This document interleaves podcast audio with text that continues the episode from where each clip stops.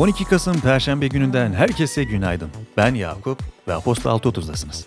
Yoğun gündemler, önemli gelişmeler, 2020'de meydana gelen olaylar derken yıl sonuna son sürat yaklaşıyoruz. Bugüne de sayarsak 2021'e 49 günümüz kaldı. Yıl sonuna yaklaşırken Covid-19 için geliştirilen aşılarla ilgili olumlu haberlerin geliyor olması bu ara beni bir hayli sevindiriyor. Bu mikroskobik canlının bir an önce hayatımızdan çıkmasını heyecanla bekliyorum. Ama bir yandan da Covid'den önceki dönemde ne yapıyorduk sorusunda kendime sormadan edemiyorum. Karantina bitince gündelik yaşama adapte olmak da başka bir test olacak galiba. Gündemin detaylarını sizlerle paylaşmaya geçmeden önce bugünün bülteninin sosyal inovasyon platformu IMC'nin destekleri ulaştığını söylemek isterim. IMC'nin toplumsal ve ekolojik fayda üreten girişimler için hazırladığı hızlandırma programı IMC Impact'in başvuruları 15 Kasım'da sona eriyor. Ayrıntılar için bültenimize göz atmayı unutmayın. Bu uzun girişten sonra sizi gündemin detaylarıyla baş başa bırakıyorum. Dünyadan manşetler.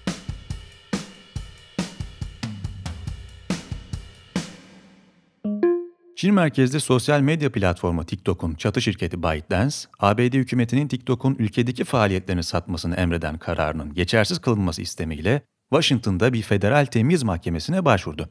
Başkan Donald Trump'ın Ağustos ayında ulusal güvenlik endişelerini gerekçe göstererek aldığı karar, TikTok'un ABD'deki faaliyetlerini durdurmasını ya da platformun yerel bir şirkete satılmasını öngörüyordu. Bahreyn Haber Ajansı bir süredir Amerika Birleşik Devletleri'nde tedavi gören Başbakan Halife bin Selman El Halife'nin 84 yaşında hayatını kaybettiğini duyurdu. Ülkenin 1971'de Birleşik Krallık'tan bağımsızlığını kazanmasının ardından göreve gelen El Halife, dünyada en uzun süre başbakanlık görevini yürüten isimlerden biriydi.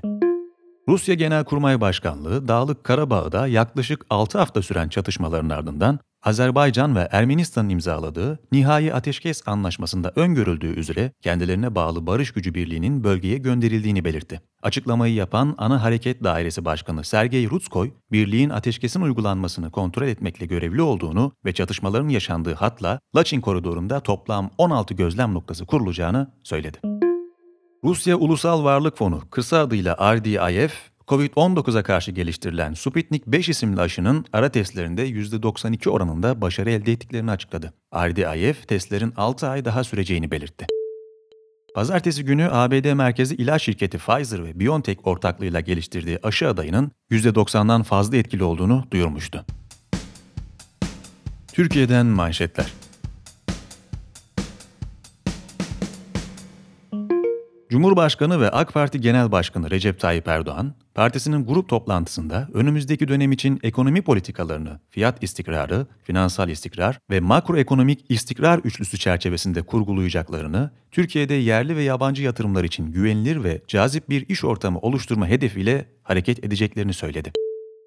Erdoğan, mali politika ve para politikasının şeffaf, öngörülebilir ve istikrarlı bir noktaya gelmesi için göreve yeni başlayan Hazine ve Maliye Bakanı ile Merkez Bankası Başkanı'nın atacağı tüm adımlarda yanında olacağını açıkladı. Erdoğan'ın açıklamalarının ardından Borsa İstanbul'da BIST 100 endeksi günü 1279 puanla tüm zamanların en yüksek seviyesinde kaparken işlem hacminde de rekor kırıldı. Türkiye'nin 5 yıllık kredi temerrüt takası primi ise 40 puandan fazla azalarak 405'e geriledi ve son 8 aydaki en düşük seviyesine geldi. Citigroup ve Societe General ise açıklamalar sonucunda liraya yönelik görüşlerini olumluya çevirdi. Devrimci İşçi Sendikaları Konfederasyonu DİSK, Uluslararası Çalışma Örgütü'nün yöntemlerini baz alarak gerçekleştirdiği çalışmaya göre, Türkiye'de geniş tanımlı işsiz sayısının 9,6 milyona yaklaştığını açıkladı. Türkiye İstatistik Kurumu'nun salı günü yayımladığı Ağustos ayı iş gücü istatistiklerine göre 15 yaş ve üzerindeki kişilerde işsizlik oranı %13,2 olarak gerçekleşmiş ve işsiz sayısı yaklaşık 4,2 milyon olmuştu. İçişleri Bakanlığı'nın valiliklere COVID-19 tedbirlerine yönelik gönderdiği ek genelge kapsamında Türkiye'de tüm illerde vatandaşların yoğun bulunabileceği cadde ve sokaklar, ihtiyaç duyulan meydanlar ve toplu taşıma duraklarında sigara içmek bugünden itibaren yasaklandı. Türkiye Doğu Akdeniz'de yeni bir Navtex ilan etti. Bölgede çalışmalar yapan Oruç Reis Sismik Araştırma Gemisi'nin görev süresi bu ilanla 23 Kasım'a kadar uzatıldı. Mısır Cumhurbaşkanı Abdülfettah Es-Sisi, Yunanistan'a gerçekleştirdiği resmi ziyarette mevkidaşı Katerina Saklaropulu ile görüşerek Ağustos ayında iki ülke arasında imzalanan deniz yetki alanları anlaşması gibi anlaşmalar imzalamaya devam edeceğini söyledi. Söz konusu anlaşmanın ikili ilişkileri pekiştirdiğini belirten Sisi, her zaman Yunanistan'ın yanında yer alacaklarını vurguladı. Saklarapulu'yu ziyaret ettikten sonra Başbakan Kyriakos Mitsotakis ile bir görüşme gerçekleştiren Sisi, Deniz Yetki Alanları Anlaşması'nın Doğu Akdeniz için büyük önem taşıdığını, bu bağlamda Mısır'ın bölgeden çıkarılacak doğal gazı Avrupa'ya taşıyacak İSMED projesine tam destek verdiğini ve bölge ülkelerinin de bu işbirliği çabalarına katılmasını beklediğini açıkladı. Galatasaray Spor Kulübü Yönetim Kurulu oy birliğiyle alınan karar doğrultusunda 19-26 Aralık tarihlerinde seçime gideceğini duyurdu. Kararın ardından kulüpte daha önce futbol şube sorumlusu olarak görev alan Burak Elmas başkanlığa aday olduğunu açıkladı. Elmas'ın yanı sıra 1905 Galatasaraylı Yönetici ve İş İnsanları Derneği'nin eski başkanlarından Metin Öztürk de seçim için adaylığını duyurdu. Türkiye Atletizm Federasyonu 2023 Avrupa Salon Atletizm Şampiyonası'nın İstanbul'da yapılacağını açıkladı. Politika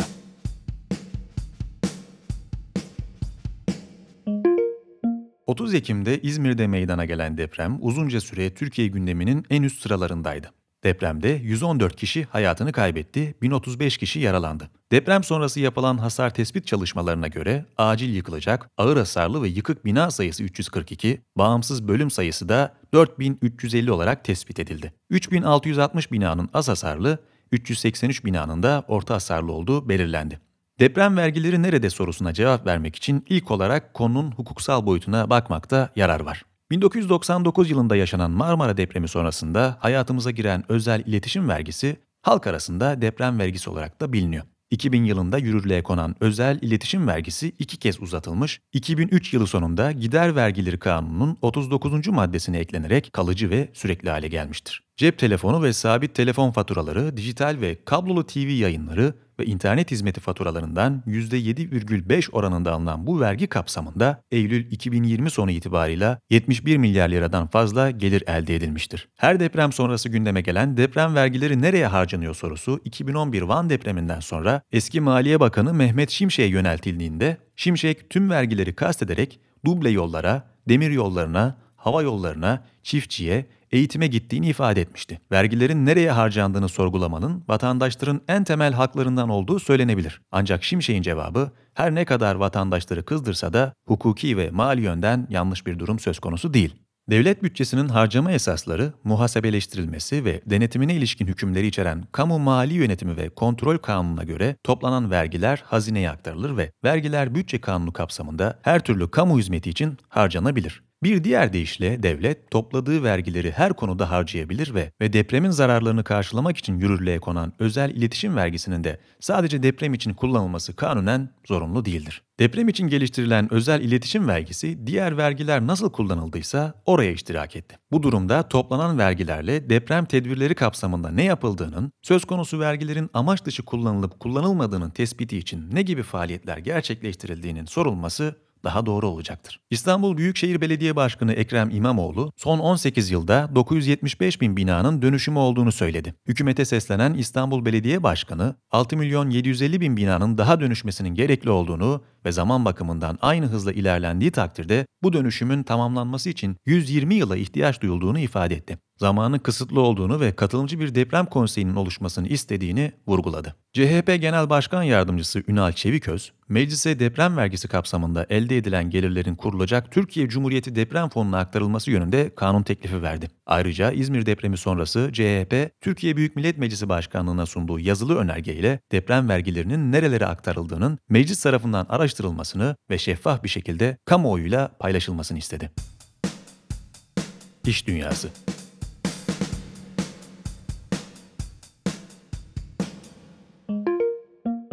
Kağıt sektöründe son yıllarda çarpıcı şekilde hızlı büyüyen bir şirket var. Ankutsan. Antalya merkezli firma Pizza Hut ve Domino's Pizza gibi uluslararası zincirlerin küresel tedarikçilerinden biri olmayı başardı. Oluklu mukavva kutusu üretimi yapan firma bu markaların tüm dünyadaki pazarlarına da ürünler satıyor. İki yıl önce Türkiye'nin en büyük 500 sanayi şirketi arasına giren Ankutsan, bu sene Türkiye'nin en büyük 330. sanayi şirketi konumuna geldi. Hızlı büyüme grafiğiyle dikkat çeken şirket, yatırımlarını hızlandırarak ihracat hacmini artırmayı ve kağıt sektöründeki yerini sağlamlaştırmayı hedefliyor.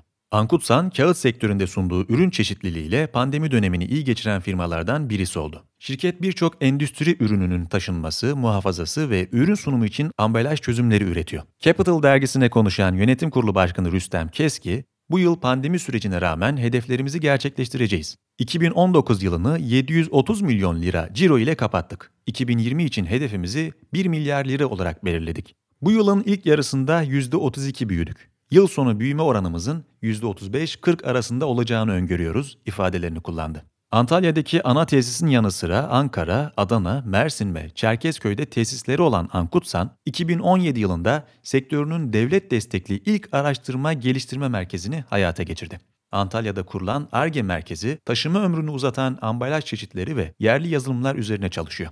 Firma ayrıca sebze meyve paketlemesi için 300 metrelik ürünü 1 dakikada hiç el değmeden üretebilen bir teknolojiye sahip olmayı hedefliyor. Söz konusu teknoloji, sektör ortalamasının iki katı bir hız vaat ediyor. Şirket başta Avrupa Birliği ülkeleri olmak üzere Orta Doğu'dan Türkiye Cumhuriyetlere kadar geniş bir coğrafyada ihracatını artırmak için çalışmalara devam ediyor. Ankutsan'ın asıl hedefi 150 milyon avro yatırımla bir geri dönüşüm fabrikası kurmak. Uzun vadeli planlar arasında kendi kağıdını kendi üreten entegre ve sürdürülebilir bir yapı olduğunu belirten Rüstem Keski, şu anda kağıdımızın %25'ini Adana fabrikamızda kendimiz üretiyoruz. Hedefimiz kendi kağıdımızın tamamını kendimiz üretmek diye konuştu. Türkiye İhracatçılar Meclisi tarafından yapılan Türkiye'nin ilk 1000 ihracatçı firması araştırmasının 2019 yılı sonuçlarına göre Ankutsan önceki yıla göre 150 basamak yükselerek 842. sırada yer aldı. Şirket bu yıl açıklanacak listede 290'lı sıralarda yer almayı bekliyor.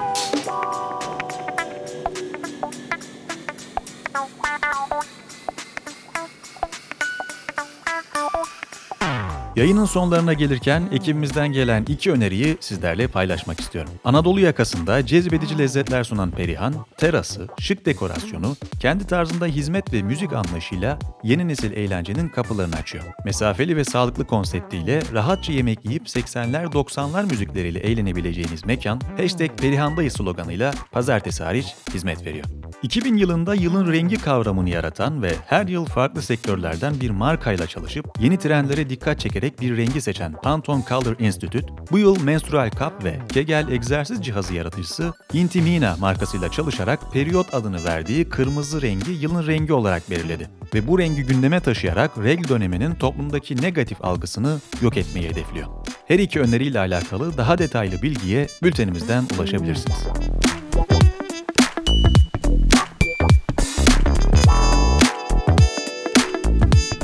Bugün 12 Kasım ve günlerden Perşembe. Ben Yakup. Gündemin öne çıkan detaylarını sizinle paylaştım. Önümüzdeki hafta Salı ve Perşembe günleri yine mikrofonun başında olacak, gündemin detaylarını sizinle paylaşacağım. O vakte kadar kendinize iyi bakınız.